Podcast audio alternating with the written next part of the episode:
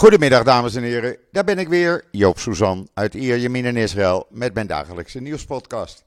Ja, zondag de eerste dag van de nieuwe werkweek in Israël, dus ook weer de eerste podcast van deze week.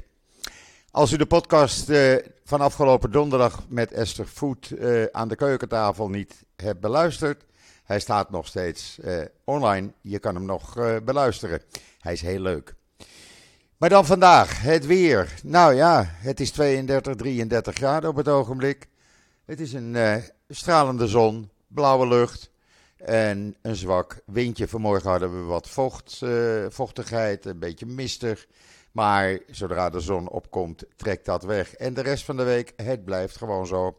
Er gaat weinig veranderen.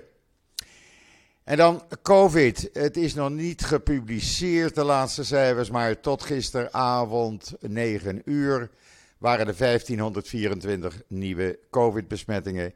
Er zijn 14.075 mensen die het virus onder de leden hebben. Er liggen er 93 in het ziekenhuis, waarvan 44 kritiek en 37 van hen aangesloten aan de beademing. Het aantal mensen wat overleden is aan COVID staat op 10.839. Ja, het blijft een beetje zo. Het zal uh, niet veel lager worden, denk ik eigenlijk. En dan, uh, ja, iets heel bijzonders. De uh, IDF elite-eenheid, de reddingseenheid 669, die staat voor het eerst open voor vrouwen. alle andere eenheden staan al open voor vrouwen, maar nu ook deze beroemde, mag ik wel zeggen, unit 669. Het hele verhaal met een video over hoe ze te werk gaan, die, uh, die kan je lezen op israelnieuws.nl. Vergeet niet, 669 die komt in alle oorlogen uh, aan de bak. Die redden soldaten uit moeilijke omstandigheden als ze gewond zijn. Ze, redden, uh, ze doen reddingen bij verkeersongelukken. We hebben gisteren een heel ernstig verkeersongeluk gehad waarbij vier doden vielen in de Negev. En daar hebben ze ook bij geholpen. Uh, dit is echt een prestigieuze uh, reddingseenheid, beroemd in Israël en daarbuiten. En dat vrouwen daar nu bij komen, ik vind het geweldig, echt waar. En dan, uh, ja, een paar van de beste historische hotels in Jeruzalem, want er zijn er natuurlijk een aantal. Je hebt het American Colony Hotel. Als je er nog nooit geweest bent, ga het bezoeken. Je hoeft er niet te slapen. Drink er een kop koffie of een biertje. Het is echt geweldig. Heel oud, maar bijzonder. En daar zitten vaak alle uh, politici. Dan het boutique hotel uh, Allegra. Uh, het Sergei Palace Hotel is natuurlijk iets heel bijzonders. In het centrum van Jeruzalem. En ja, uh, lees het maar eventjes, dan uh, weet je waar ik het over heb. Het staat op israelnieuws.nl. En dan voor het eerst, we hebben natuurlijk al uh, ja,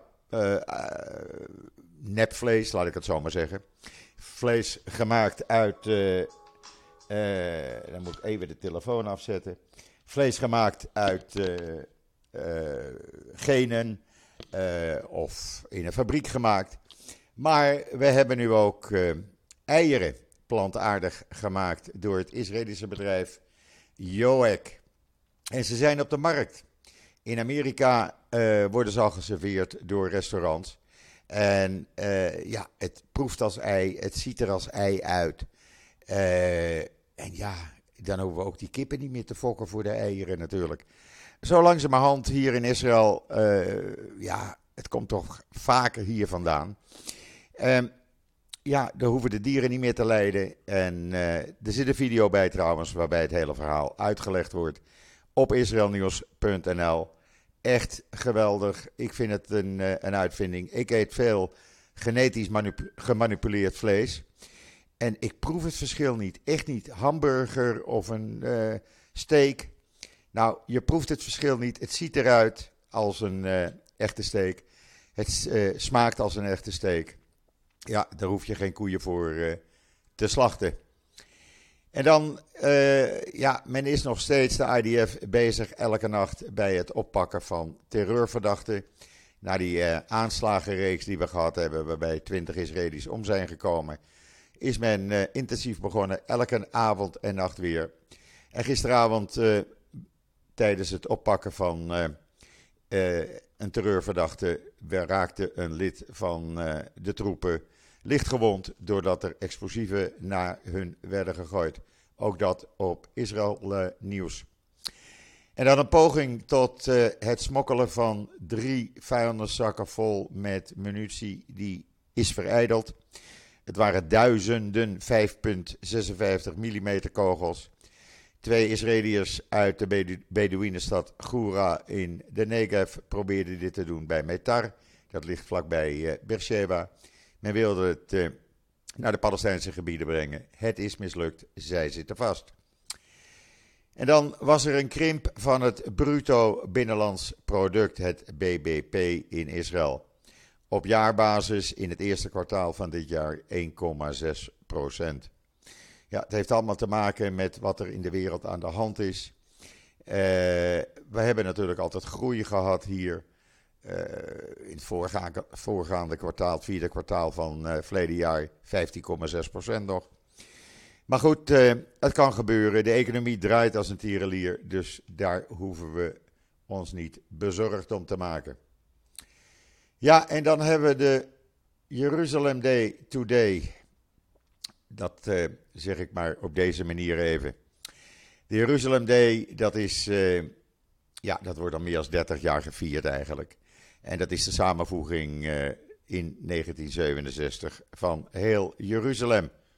En dat is mooi, dat is prachtig.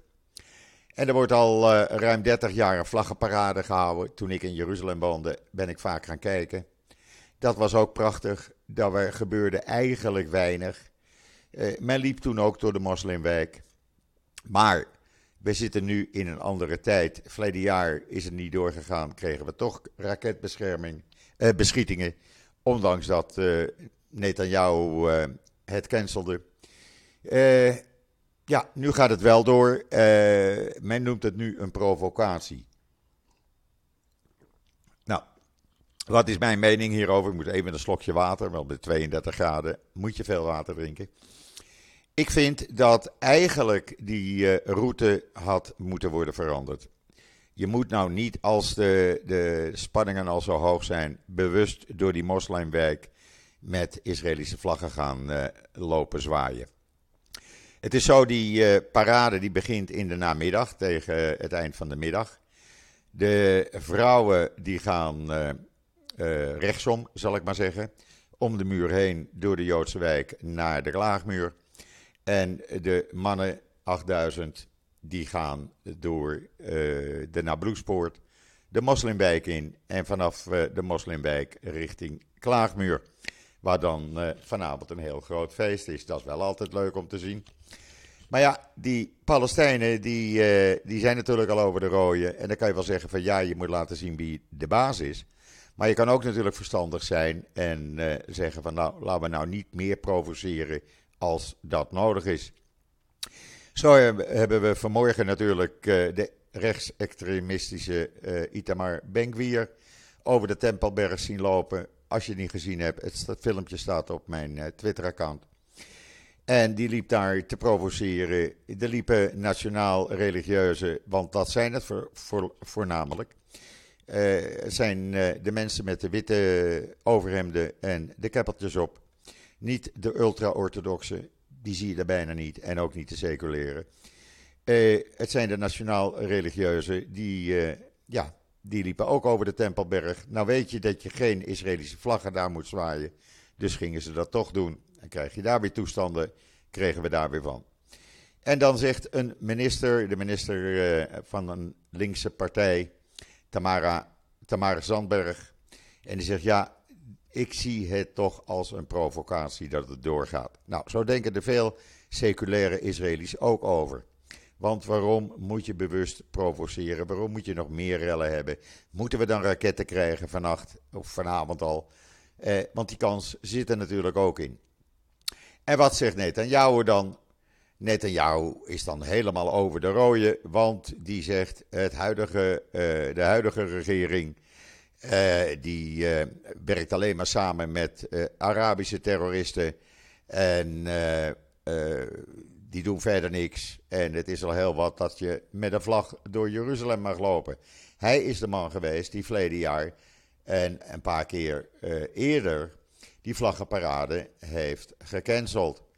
En ja, hij maakt daar natuurlijk gebruik van. Dat is logisch. Maar het wordt een hele toestand. Geloof mij, we hebben het gisteravond al gezien. Toen liepen er uh, honderden jongeren door de oude stad. Ook door de moslimwijk. Ja, dat werden relletjes.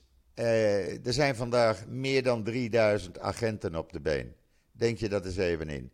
Daarnaast nog honderden militairen. En er worden er ook nog honderden op uh, ja, stand-by gehouden, laat ik het zo maar zeggen. Ja, gisteravond hebben we het gezien. Het was een beetje provocerend wat ik zag op televisie. Maar goed, ik kan het niet veranderen. Ze doen maar wat ze niet laten willen. Uh, je kan de filmpjes op de Times of Israel zien van gisteravond en op mijn Twitter-account natuurlijk. Dan zegt uh, de broer van Hamas-leider Sinwar, die zegt het afvuren van raketten op Tel Aviv is voor ons nu net zo eenvoudig als het drinken van water. Nou, ik denk dat eigenlijk niet.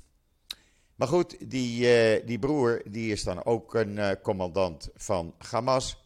En die gaf een interview aan een uh, Al Jazeera vrijdagavond. En nou zijn die spanningen natuurlijk al groot. En die zegt dus die broer namens zijn broer, meneer Sinwar. Als we, in Israël, als we Israël waarschuwen, betekent elke letter en elk woord dat er ter plaatse goedkeuring wordt gegeven. En we weten hoe we Israël pijn moeten doen en hoe we het land onder druk kunnen zetten. Ja, eh, niemand zit te wachten op een nieuwe oorlog. Echt niet. En dan gaat hij nog bij zeggen: voor ons is uh, het afschieten van raketten op Tel Aviv zondagavond net zo gemakkelijk als het drinken van water. Ja, en zo worden, wordt alles een beetje op, uh, op rood gezet, laten we het zo maar zeggen. Alhoewel binnen de terreurorganisaties is er oneenigheid of ze nou wel of niet raketten moeten afschieten. Uh, Hamas, ik denk niet dat die het willen, maar de Palestijnse jihad, ja, die, uh, die zie ik er vooraan. Uh, Hamas die vindt de situatie op dit moment eigenlijk wel goed. En die heeft liever wat meer uh, uh, grip op de Westbank. Uh, zodat ze Abbas de les kunnen lezen. Dat hebben we gezien met de Beert Said Universiteit, waar ze nu de baas zijn. dan dat ze raketten gaan afschieten. Want dan heb, heb je zo weer een oorlog te pakken. En daar zit Hamas niet op te wachten. Wie daar wel op te wachten zitten, dat zijn die kleinere terreurgroepen, waaronder de Palestijnse Islamic Jihad. Ja, wat het gaat worden, ik weet het niet. Hamas heeft opgeroepen tot een dag van woede vandaag in Jeruzalem. En uh, de Islamic Jihad heeft gezegd: het wordt een explosie. Nou, we gaan het af, afwachten. Vanmiddag vertrekken ze van Jaffa Street. Dan gaan ze uh, de moslimwijk in. Uh, via High Guy Street in de moslimwijk eindigen ze dan bij de Klaagmuur. Meneer uh, Benkwier, ik noemde het al even. Nou, ik heb hem zien lopen daar op die uh, Tempelberg. Alsof hij de president van Israël is. Hij liep daar als een trotse pauw te paraderen. Zijn keppeltje op, zwaaien naar de Palestijnen die hem uitjouwden. En ja, hij zegt: Ik ben enorm gemotiveerd doordat Hamas dreigt uh, de staat aan te vallen. Uh, hij had ook morgen gekund, maar goed, hij moest dat dan vandaag doen. Dan was er ook nog een filmpje te zien. En ja, dat begrijp ik dan weer niet, want ik denk dat de moskee toch gebruikt wordt om te bidden. Maar niet voor uh, de Palestijnse jongeren. Die gebruiken de moskee op dit moment om stenen vanuit de moskee naar eh, Israëli's te gooien en naar de politieagenten. En vuurwerk vanuit de moskee, Al-Aqsa-moskee, af te vuren. Nou, als je dan zegt als Hamas, iedereen die de moskee beschadigt, die krijgt met ons te maken. Nou, dan zou ik zeggen, uh, Hamas, ga eens even praten met die jongens die je opgejut hebt. Want die gooien met stenen. Die hebben daar hele bergen stenen opgeslagen en vuurwerk vanuit de moskee. Dat heeft niets meer met een moskee te maken, zullen we maar zeggen. Ja, en dan hebben we nog een relletje hier. Het zal ook niet zo zijn. Never a dull moment, zeggen we dan in Israël. Want uh, de rabbijn die uh, verleden jaar had gezegd dat uh, COVID, of twee jaar geleden had hij dat gezegd, dat COVID een straf is voor het houden van de Gay Pride Parade in Tel Aviv. Die heeft nu gezegd dat Lapid en Lieberman het Israëlische volk verraden en ze zijn erger dan de nazi's. En de rabbijn die dat gezegd heeft is meneer Meijer Mazouz van de Kisse Rachamim Yeshiva in Benai Barak. En die zei dat tijdens een wekelijkse les aan zijn studenten, die op video was opgenomen en gedistribueerd op social media. Hij zegt, want ze geven alles maar aan de Arabieren. Nou, dat is gewoon allemaal niet waar. Houd toch eens een keer op daarmee, want dat, dat is gewoon niet zo. Het zit in de begroting. En het wordt dus tijd dat er in de Arabische plaatsen ook wat aan infrastructuur wordt gedaan. En dat mensen normale voetpaden en wegen hebben zonder kuilen. Eh, zoals dat in elke Israëlische stad is. Uh, we hebben 20% van de bevolking is Arabisch, die hebben hun eigen dorpen. Als bij mij gaten in de straat zijn, bel ik ook de gemeente. Uh, als zij dat doen, heeft de gemeente geen geld, want de regering heeft nooit geld gegeven onder Netanyahu. Nu wordt daar wel geld aan gegeven en kan er eindelijk wat aan gedaan worden. Dan ga je niet dit soort uitdrukkingen doen. En ik geef Lapid dan ook groot gelijk, die meteen vanmorgen gereageerd heeft en gezegd: uh, Je kan dan wel zeggen dat ik erger ben dan de nazi's. Mijn grootvader is vermoord in de, tijdens de Holocaust. En mijn vader heeft in het ghetto de dood onder ogen gezien. Dus mijn enige antwoord op uw opmerking is, zei Lapid, dat ik van het hele Joodse volk hou. En ik wens uh, de rabbijn een gelukkige Jeruzalem Day. Een dag van eenheid en liefde voor heel Israël. Ik vind dat hij uh, daarmee een goed antwoord heeft gegeven. Want dit soort dingen, je zegt dat gewoon niet klaar. Ja, en dan uh, het verkeersinfarct in Israël. Want eigenlijk hebben we hier een uh, verkeersinfarct de hele dag. De congestie in Israël is een van de hoogste in de westelijke wereld. En er is nu een Israëlisch bedrijf die gezegd hebben: luister, met ITC, oftewel Intelligent Traffic Control, het gebruiken van artificial intelligence, een algoritme, dat vermindert de congestie met 30%. En als je niet wil geloven, wij uh, doen het bij een van de drukste uh, uh, verkeersverbindingen in Tel Aviv. En daar, bij die twee kruispunten, is de congestie met 30% afgenomen. Je kan dit hele verhaal lezen op Times of Israel. Ik vind het uh, wel een uitvinding, ik vind dat wel een dingetje. En het mag van mij komen, want ik hoor s morgens op uh, het nieuws. De auto's die staan dan vanaf Netanya tot Tel Aviv. Dat is 18 kilometer. Zo'n anderhalf uur doen ze daar dan over. Staan ze bijna stil. En uh, kruipen ze eigenlijk langzaam, langzaam richting Tel Aviv. En dat kan niet zo doorgaan. En dan uh, zei een van de voormalige uh, IDF intelligence uh, bazen, die zei, een vorm van nucleaire deal met Iran is de minst slechte, slechtste oplossing. Hij zegt, want ja, dat heeft voor Israël, eigenlijk is dat beter. dat is de minst slechte optie voor Israël, vindt hij. Hij zegt dat moet worden uitgewerkt natuurlijk, uh, wat daar allemaal in komt te staan. Maar helemaal geen deal. Ja, als je ziet wat uh, Iran op dit moment aan hoogverrijkt uranium uh, al heeft en nog gaat krijgen, ja, dan kan je beter wel een deal hebben waarbij je, het, waarbij je het dan een beetje in de hand houdt. Er zit iets in, er zit iets in. Waar ook iets in zit, dat zijn twee vogels die gevonden zijn met de vogelgriep. Die zijn bij uh, Eilat gevonden. En uh, ja, uh, bij Rugama, dat is in het uiterste zuiden van Israël. En men houdt dat natuurlijk in de gaten, die vogels zijn afgemaakt. En men hoopt dat dat daarbij blijft, want we zitten niet op meer vogels te wachten. En dan nog even over het gas naar Israël. Of uit Israël naar Europa.